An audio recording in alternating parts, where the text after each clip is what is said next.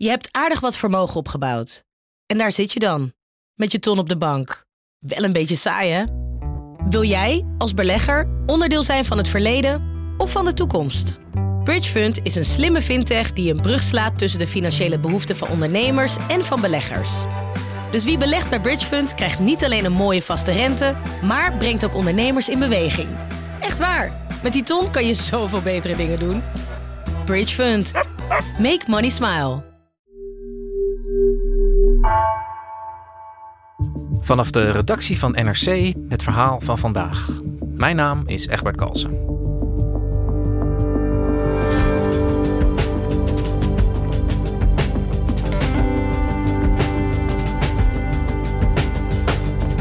Ooit was Oekraïne de derde kernmacht ter wereld.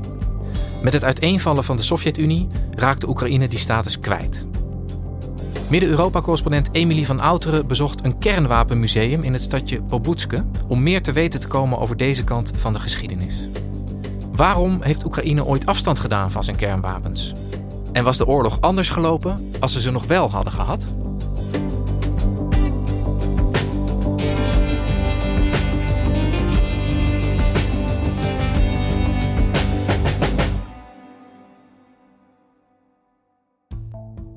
Laatst in het Oekraïense dorp Pobutske geweest, zo'n drie uur rijden ten zuiden van Kiev op de weg naar Odessa.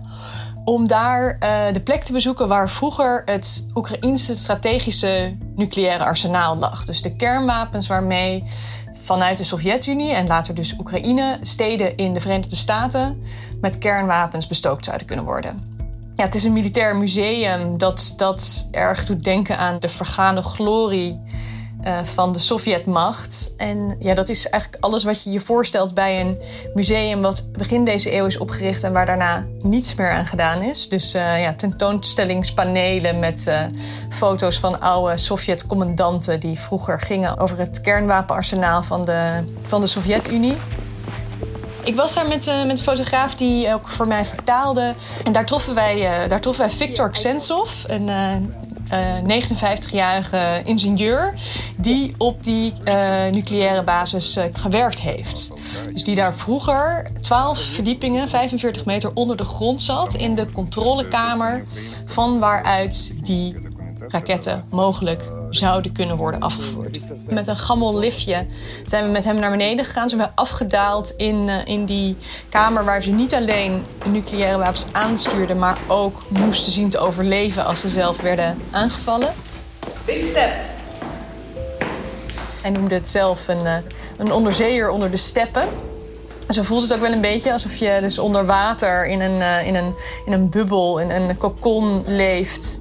Ja, en daar heb je nog de panelen, de knopjes, de sleutels, de codes die gebruikt werden om ooit een nucleair wapen af te kunnen vuren. And here you, this, you have this launches uh, on the ground. There's Ten.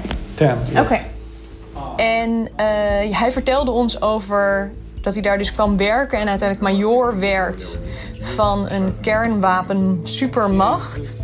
En hoe die inmiddels gids is voor toeristen in een klein uh, museumpje. En dat die weg en het, het, het, het, hoe pijnlijk het voor hem was zelf om die nucleaire wapens te moeten opgeven, daar vertelde hij ons over. He said, you know, it was my specialization, it was my job, uh, and uh, it feels like it's your own car, for example, and someone destroy it. Nou, Victor is een van die mensen die wel meer spreekt in Oekraïne. Die denken, ja, als wij nou niet die wapens hadden opgegeven... dan waren wij niet zo kwetsbaar geweest. Dan was deze oorlog niet gebeurd. Het sentiment in Oekraïne is toch, dat, zoals dat ook was toen in 2014 de Krim werd ingenomen... dat als wij nou niet, toen wij onafhankelijk werden in de jaren 90... onze strategische kernwapens hadden opgegeven... dan waren wij niet zo kwetsbaar geweest. Dan had Rusland het niet gewaagd om ons binnen te vallen.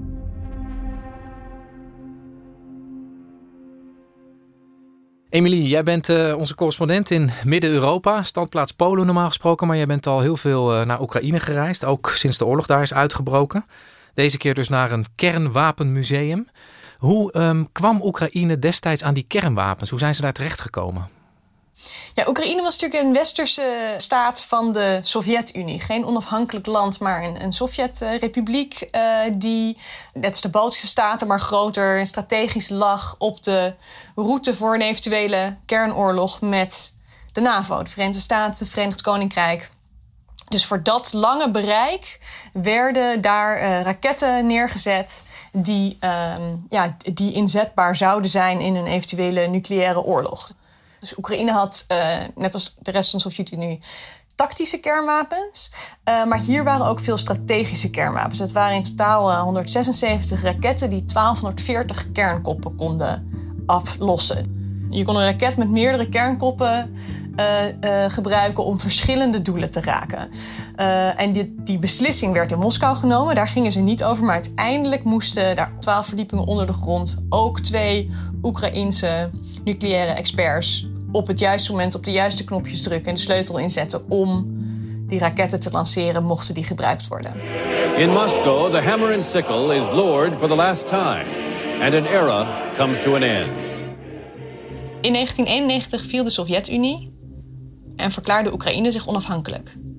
De vrije val van het communisme in de Sovjet-Unie is dit weekende in duizelingwekkende vaart voortgezet. And the Soviet flag that had flown over the Kremlin for more than seven decades was lowered. Mesdames, Messieurs, bonsoir. Que l'Union soviétique a définitivement disparu. En met de onafhankelijkheid was het ook een kernmacht, omdat die wapens op Oekraïns grondgebied stonden. En toen is er veel discussie geweest van, ja, van wie zijn dan die kernwapens? Die zijn van een Sovjet-Unie die niet meer bestaat. En dat leidde tot een soort compromis waarin dan een deel van Rusland werd en een deel was van Oekraïne. Maar zowel de Verenigde Staten als, als Rusland wilden niet dat Oekraïne een kernstaat zou zijn of zou blijven. Er was een, een groot sentiment van einde van de geschiedenis, een non-proliferatie waarin kernwapens de wereld uit moesten. En daarnaast waren er gewoon zorgen of Oekraïne daar wel goed mee om zou gaan. Het was nog maar een paar jaar na de ramp in Tsjernobyl, waarbij een kerncentrale uh, ontploft was met enorme schade en gezondheidsschade, waar tot op de dag van vandaag de gevolgen van voelbaar zijn. Dus ze wilden gewoon niet dat eigenlijk dat er nog een land was, een, een kwetsbare nieuwe staat, die voor ongelukken zou kunnen zorgen. Aan de andere kant konden ze daar iets economisch tegenover stellen. Dus als Oekraïne nou die wapens zou opgeven, dan zouden ze door Rusland daarvoor gecompenseerd worden. Dus afbetaald worden. En ze zouden economische steun van de VS krijgen. Dus in dat sentiment van het einde van de geschiedenis en een nieuwe kwetsbare strategisch, militair, uh, politiek en economisch kwetsbare staat werd uh, jarenlang onderhandeld om Oekraïne van zijn kernwapens af te helpen. Tussen aanhalingstekens. Ja.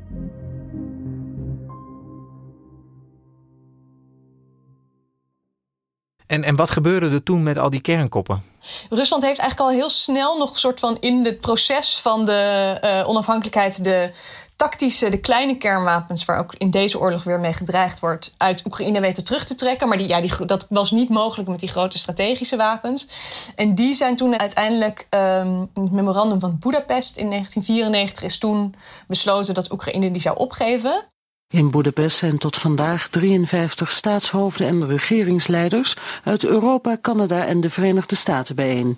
First and foremost, it's a special honor for me as the president of the host country to warmly welcome all of you on the occasion of this signing ceremony. Подписывает меморандум о заверении к безопасности Украине. Zoals gezegd, in ruil voor economische steun, maar dus ook in ruil voor bescherming. Er zouden uh, verzekeringen zijn van Rusland, van de VS en van het Verenigd Koninkrijk dat Oekraïne als zwakker land zonder nucleaire wapens een soort extra bescherming verdiende van zijn territoriale integriteit en zijn soevereiniteit van die drie landen. Dus van Rusland ook met name. Ik kan me voorstellen dat Oekraïne daar best wel over getwijfeld heeft destijds of ze dat wel moesten doen. Hè? Wat zijn die garanties nou waard? Nou ja, daar komen we zo ongetwijfeld nog even over te spreken. Maar waarom heeft Oekraïne uiteindelijk destijds ingestemd met die afspraken die er, die er gemaakt zijn? Ja, omdat het eigenlijk toch geen alternatief had. Uh, het, het kon namelijk wel beschikken over de wapens. Maar de codes lagen in Moskou. Dus het, ja, waren ze dan wel zo strategisch als je op dat moment ze niet onafhankelijk kon gebruiken. Daar was natuurlijk uiteindelijk wel een oplossing voor te vinden, maar dat was wel de situatie.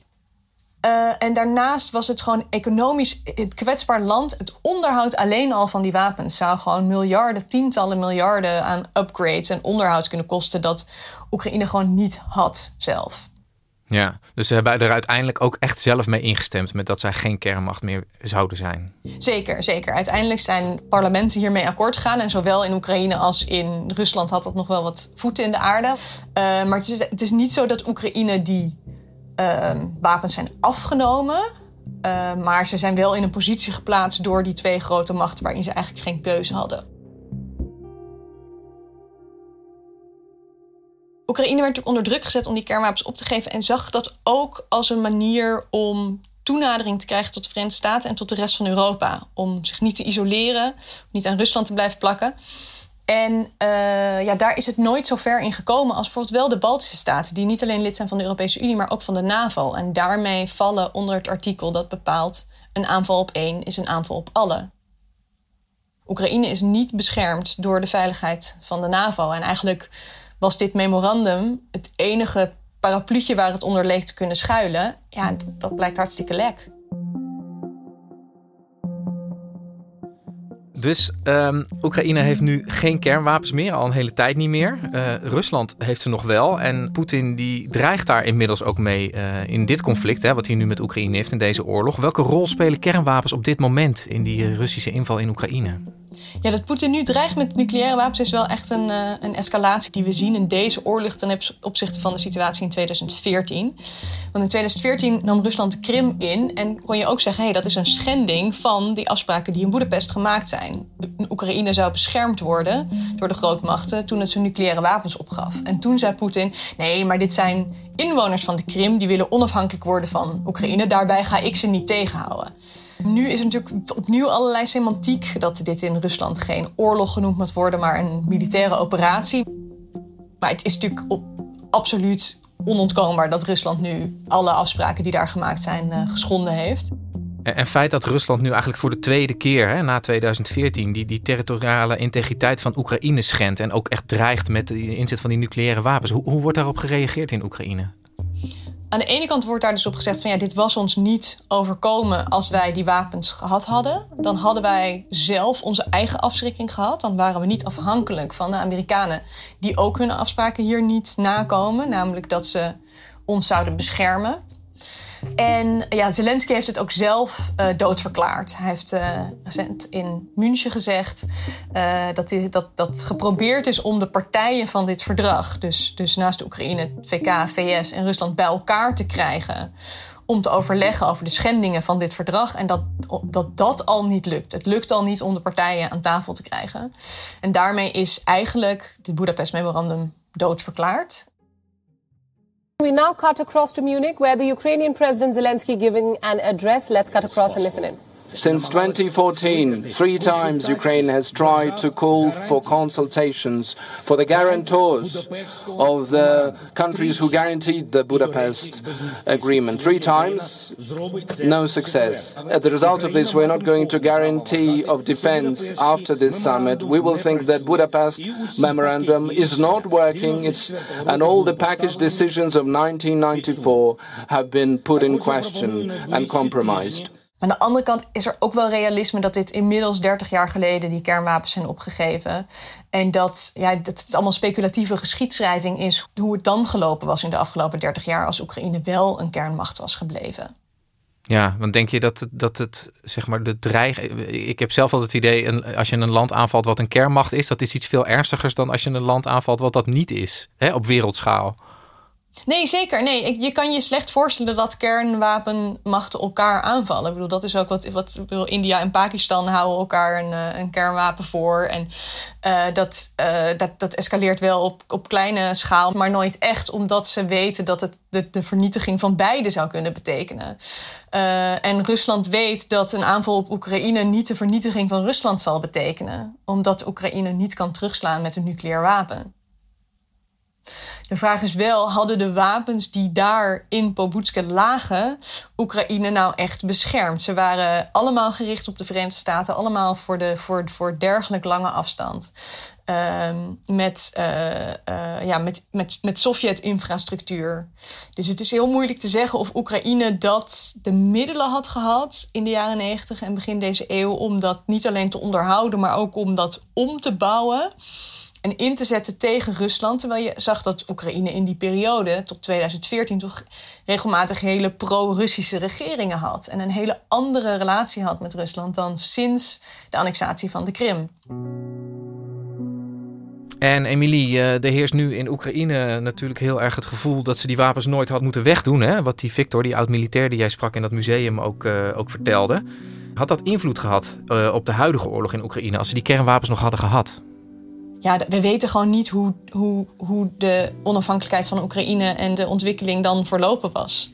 Victor vertelde ons ook dat hij nog niet zo lang geleden een Poolse toerist rondleidde op, de, op het museum. En die was een beetje, deed een beetje gekscherend over Oekraïne, nog voor de oorlog natuurlijk. Van ja, hoe kan het nou dat jullie dit allemaal, want het was wel degelijk ook Oekraïnse technologie, dat jullie dit allemaal konden opbouwen en dat jullie nu zo'n, uh, ja, eigenlijk basically irrelevant uh, staatje zijn geworden. En, en Victor's antwoord erop was ja, in de Sovjet-Unie konden wij dit allemaal opbouwen en was dit allemaal prachtig en geweldig en sterk, maar we hadden niet te eten. En dat was de keuze die Oekraïne moest maken. Was ja, willen wij nou een militaire supermacht zijn? Of willen wij onze bevolking te eten geven? Willen wij een economisch levensvatbaar land worden met een blik op de toekomst? In plaats van op het Koude Oorlogsverleden. Dankjewel Emily voor dit kijkje in de geschiedenis van Oekraïne. Jullie bedankt.